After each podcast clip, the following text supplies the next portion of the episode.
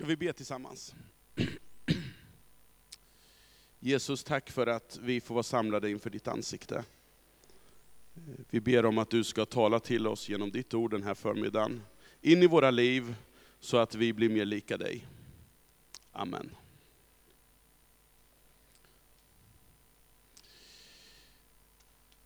Under hösten, precis som Linn var inne på här, så kommer vi att vara i ett tema i Korskyrkan.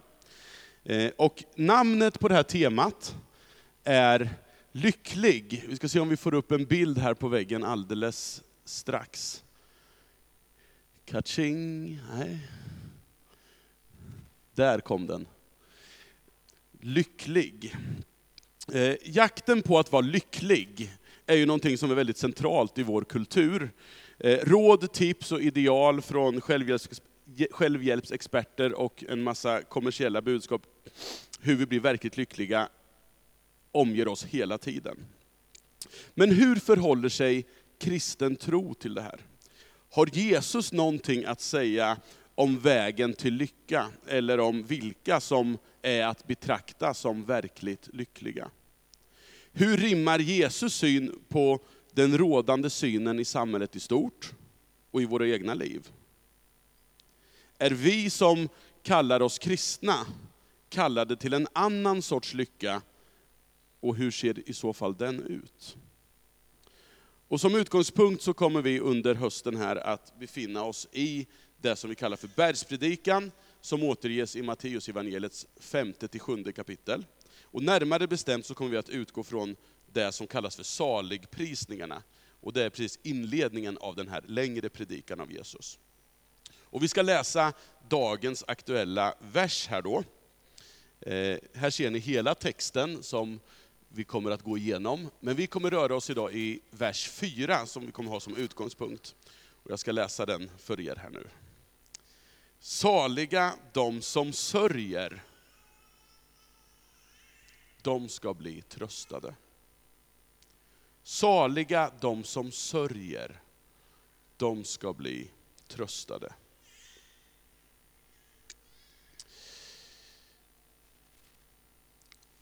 Saliga. Ska se om nästa bild kommer. Jesus han punktar upp här olika karaktärsdrag på de som enligt honom då är att betrakta som just lyckliga. Det grekiska ord som Jesus återges med här heter makarios. Eh, och det översätts ofta med ordet salig. Och salig är ju ett ord som vi sällan använder i vardagligt tal. Men anledningen till att man använder det här ordet även i nutida översättningar, det är ju för att det här ordet rymmer djupare, bredare och mycket högre dimensioner kopplade till en djupare tillfredsställelse än vad det här mer användbara ordet lycklig täcker. Att vara makarios, att vara, att vara det här saliga, det innebär att vara välsignad och satt i ett tillstånd värt att avundas. När jag var liten så sa vi ofta liksom mellan våra vänner, så här, när någon hade fått någonting, till exempel en tågbana eller någonting annat roligt, så Lyllo dig, sa man då. Jag vet inte om ni känner igen det. Lyllo dig som har en sån där, eller Lyllo dig som hon sa.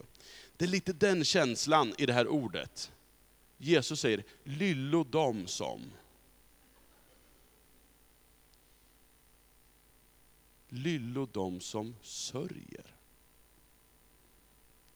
Vi behöver inte komma så långt i vår läsning för att förstå att Jesus på punkt efter punkt skiljer sig på radikalaste, möjligaste vis från det som mänskliga kulturer i allmänhet, och kanske vår lycko och kicksökande kultur i synnerhet, skulle förknippa med att vara lycklig, välsignad och avundsvärd. Saligheten som Jesus talar om verkar vara ett tillstånd långt ner i hjärteroten, som inga yttre omständigheter kan hota eller förändra. Varandet kommer före görandet, som Jesus senare går in på i bergspredikan. Så i, i liksom de här saligprisningarna så talar han om vad lärjungarna är de är saliga. Och sen senare i bergspredikan så börjar han prata om hur de ska leva och vara. Men varandet, det här saliga tillståndet som lärjungarna är försatta in i, ligger före. Stanley Jones, en teolog som verkade för bortemot hundra år sedan, han sa så här. När Jesus ville göra allt nytt ville han först av allt lägga sin hand på människohjärtat. Han talade om vad de skulle vara, innan han talade om vad de skulle göra. Han började med att säga saliga äro. Vad du är inom dig själv bestämmer livet för dig. Du är din egen himmel och du är ditt eget helvete. Jesus kom därför inte för att föra människor till himlen, utan för att bringa himlen in i människorna. Inte för att föra människorna ut ur helvetet, utan för att få helvetet ur människorna. Det är att vara salig, att ha himlen i sig. De som sörjer. Vad härligt att det kom, kom in en liten sån här Rom 8 där, den ska inte vara där. Bortse från den. Som jag antydde tidigare så lever vi i en kultur där vi betraktar lycka som något viktigt. Och en sak som definitivt inte är förknippat med lycka, utan snarare skulle beskrivas som dess motsats, är sånt som vi, som vi kallar gråt, klagan och sorg. En förutsättning för sann lycka är ofta i vår kultur att distansera sig från den här typen av företeelser och hålla dem på armlängds avstånd från sig. Vår tids saligprisning, om någon skulle liksom förklara, vilka skulle du förklara som saliga? Någon på gatan sådär. Då skulle det kunna vara något i stil med, salig den som inte tar saker på så stort allvar. För då behövs ingen tröst. Eller, salig den som lyckas utestänga frågor som är svåra här i världen. För då är man lyckligt ovetande. Jag tillhör själv en generation, i alla fall eh, liksom slutet på den här generationen, som har kommit att kallas den ironiska generationen. Och den bygger på att man distanserar sig från allting som är allvarligt och jobbigt. Man tar ingenting på blodigt allvar, allting går att skämta om. Därför att man vill liksom inte hamna i det här att bli tungsint och bedrövad och ledsen. Att vara i behov av tröst ses som oförenligt med att vara lycklig. Vi vill inte riskera att hamna där. Men man kan ju, också, man kan ju verkligen inte klandra människor för att söka ett tillstånd utan sorg, när hoppet om en djupare tröst verkar lysa med sin frånvaro allt mer också. Men då kan man fråga sig hur det ser ut i kyrkan. Trots att Jesus verkar bejaka sorgen som något legitimt, så är inte sällan den kristna församlingen en plats där många verkar uppleva att sorgen inte riktigt får plats. Det finns ofta en sorts bild av att i en kyrka, hur mycket vi än pratar om att det här ska vara en öppenhetens gemenskap och det ska vara så tunn hud och allt sånt där, så ska man ändå vara lyckad, lycklig, helst utrustad med ett leende anpassat för tandkrämsreklam.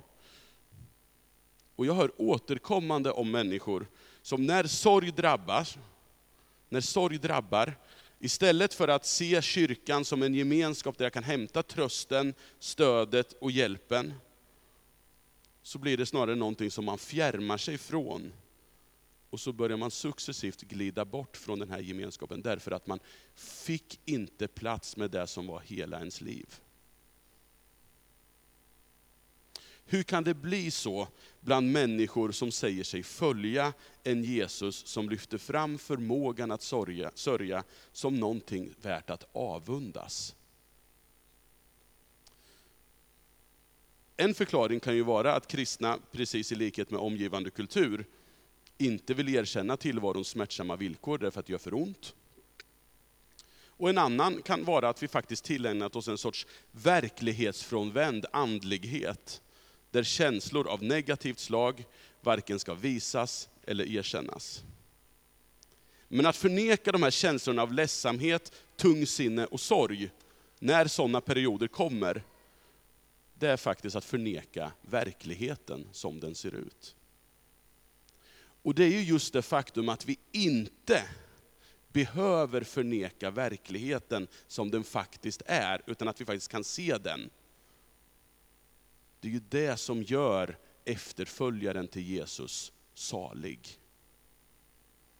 Vi kan se verkligheten som den är utan att gå under på kuppen. Att förneka sorg med någon sorts andlig motivering att man ska inte liksom fokusera på det dåliga, utan man ska se det positiva i tillvaron.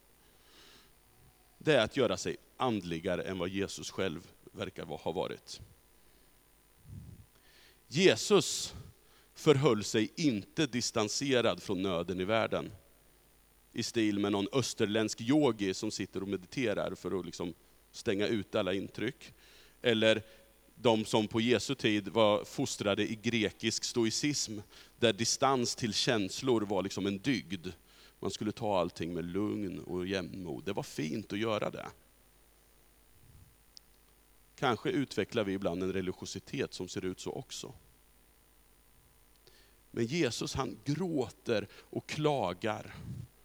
Vi ser det när han gråter och klagar över Jerusalem, som väljer våldet och hämndens väg istället för fredens och kärlekens väg. I Lukas 19 kan vi läsa om hur han gråter och klagar. Han gråter och delar Martas och Marias sorg när deras bror Lazarus har dött. Jesus grät, berättar Johannes i kapitel 11.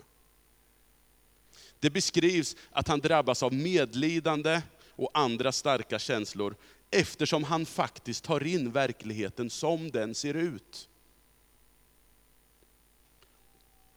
Jesus framstår som en person som gråter och sörjer det här glappet han ser mellan hur det faktiskt ser ut och hur Gud vill att det ska se ut.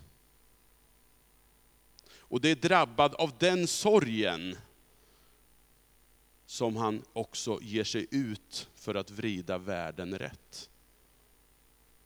Det är drabbad av den sorgen som gör att han botar de sjuka, rör vid dem som ingen annan rör vid, äter med dem som ingen annan äter med, botar de sjuka, befriar de fångna, ger blinda syn och slutligen dör själv på ett kors. Och det är den sorgen som också vi kallas i ljuset av Jesu död och uppståndelse, att bära. Som församling kallas vi att inte blunda för verkligheten som den är, utan att ta in nöden och smärtan omkring oss. Drabbas av sorg och med den som botten delta i det här uppdraget att vända världen rätt. Paulus beskriver det här som att hela skapelsen ropar efter befrielse. Skapelsen ropar efter det här tillståndet som Jesus också längtar efter. Och de som har fått anden, säger Paulus, ropar på samma sätt det här ropet som bottnar i sorg över nuet, men också i en hoppfull längtan efter den kommande upprättelsen. Vi vet, skriver Paulus i Romarbrevet 8, att hela skapelsen ännu ropar, som i födslovåndor. Och till och med vi, som har fått anden som en första gåva, också vi ropar i vår väntan på att Gud ska göra oss till söner och befria vår kropp. Vi kallas att bära den sorg som världen skjuter ifrån sig, eftersom den inte är kapabel att bära den. Men vi kallas att bära sorgen över att människor svälter, människor lider, människor utnyttjas och förtrycks. Vi kallas att bära sorgen över att vi håller på att ta kål på vår egen planet och förändra livsvillkoren radikalt till det sämre för kommande generationer. Vi kallas att bära sorgen över det, inte skjuta det ifrån oss. Dietrich Bonhoeffer, tysk teolog under andra världskriget och strax innan, beskriver en kyrka som är kapabel att se verkligheten som den är och därför bär världen sorg. Han säger så här. Världen festar och de kristna står vid sidan om. Världen ropar livsglädje och kyrkan sörjer. De ser att festjublet stiger från ett sjunkande skepp. Lärjungaskaran skjuter inte sorgen ifrån sig som om den inte angick dem, utan den bär den. Och genom detta visar de sin djupa samhörighet med sina medmänniskor. Den stora anledningen till att sorgen överhuvudtaget kan bäras har ju sin grund i löftet om tröst. Om ingen tröst fanns, då vore ju sörjande människor de mest ömkansvärda. Men nu lovar Jesus att de ska bli tröstade. Saligprisningarna är ju en karaktärsbeskrivning på de människor genom vilka Jesus vill göra den här världen till, en, till den plats som Gud vill att den ska vara. En ny regim, Guds rike, upprättas av den gemenskap som kännetecknas av saligprisningarna. Genom Jesu död och uppståndelse finns det grund i hoppet om att världen, hur mycket glappet mellan ideal och verklighet än sliter i oss, så finns det hopp om att världen till slut, när allt kommer till allt, vilar i kärlekens och barmhärtighetens händer. I det historiskt grundade hoppet om en framtida tröst kan vi också redan nu finna tröst. Och meningen är ju att det här folket, som vi kallas att vara i världen redan nu, ska vara en försmak på den här kommande tillvaron, på den här goda regimen som Gud kommer att föra in i världen. Så därför är inte församlingens gemenskap bara kallad att bära världens sorg, utan också att vara en tröstens gemenskap här och nu. Paulus och hans medförfattare Timoteus skriver till de kristna i Korint, vilket vi hörde läsas här i inledningen. Välsignad är vår Herre Jesu Kristi Gud och Fader, barmhärtighetens Fader och all trösts Gud. Han tröstar oss i alla våra svårigheter så att vi med den tröst vi själva får av Gud kan trösta var och en som har det svårt. Till liksom vi har fått en riklig del av Kristi lidanden får vi också riklig tröst genom Kristus. Har vi det svårt är det för er tröst och frälsning. Blir vi tröstade är det för att ni ska få den tröst som hjälper er att bära samma lidanden som vi själva. Vi har ett fast hopp när det gäller er. Vi vet att liksom ni delar lidandena med oss, delar ni också trösten. Paulus verkar mena att Jesu lidande, död och uppståndelse har förändrat förutsättningarna för livets villkor. Det finns ett sånt där klyschigt talesätt som lyder, delad börda är halv börda, delad glädje är dubbel glädje. Tack vare Jesus-händelsen så verkar det här vara sant. Och det verkar vara sant när det gäller lidande och tröst. Delat lidande är halvt lidande och delad tröst är dubbel tröst. Som kristna kallas vi att både dela sorg och dela tröst. Och som bärare av evangeliet så är vi den bäst skickade gemenskapen i hela universum för att kunna vara en plats där det här delandet sker. Vi behöver inte vara rädda för den stora sorgens famn som många räds att vara i. Utan vi kan bejaka den och känna att ja, men vi får vara här, men vi är inte ensamma. Vi delar sorgen med varandra och med Jesus själv ytterst. Och i det här ligger en enorm tröst. Och då blir sorgen också någonting som skulle kunna betraktas som en gåva in i våra liv. Patrik Hagman, en, en finsk teolog som precis har skrivit en bok om sorg som har drabbat honom på ett väldigt hårt sätt. Han har förlorat sin fru och sin son inom loppet av en väldigt kort tid. Han har skrivit en bok som heter Sorgens gåva är en vidgad blick. Jag tycker det är en fantastisk titel.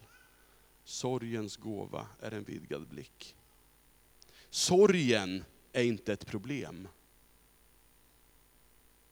Utan sorgen kanske snarare är en del av lösningen för att verkligen ta, ta itu med det som verkligen är problemen i världen.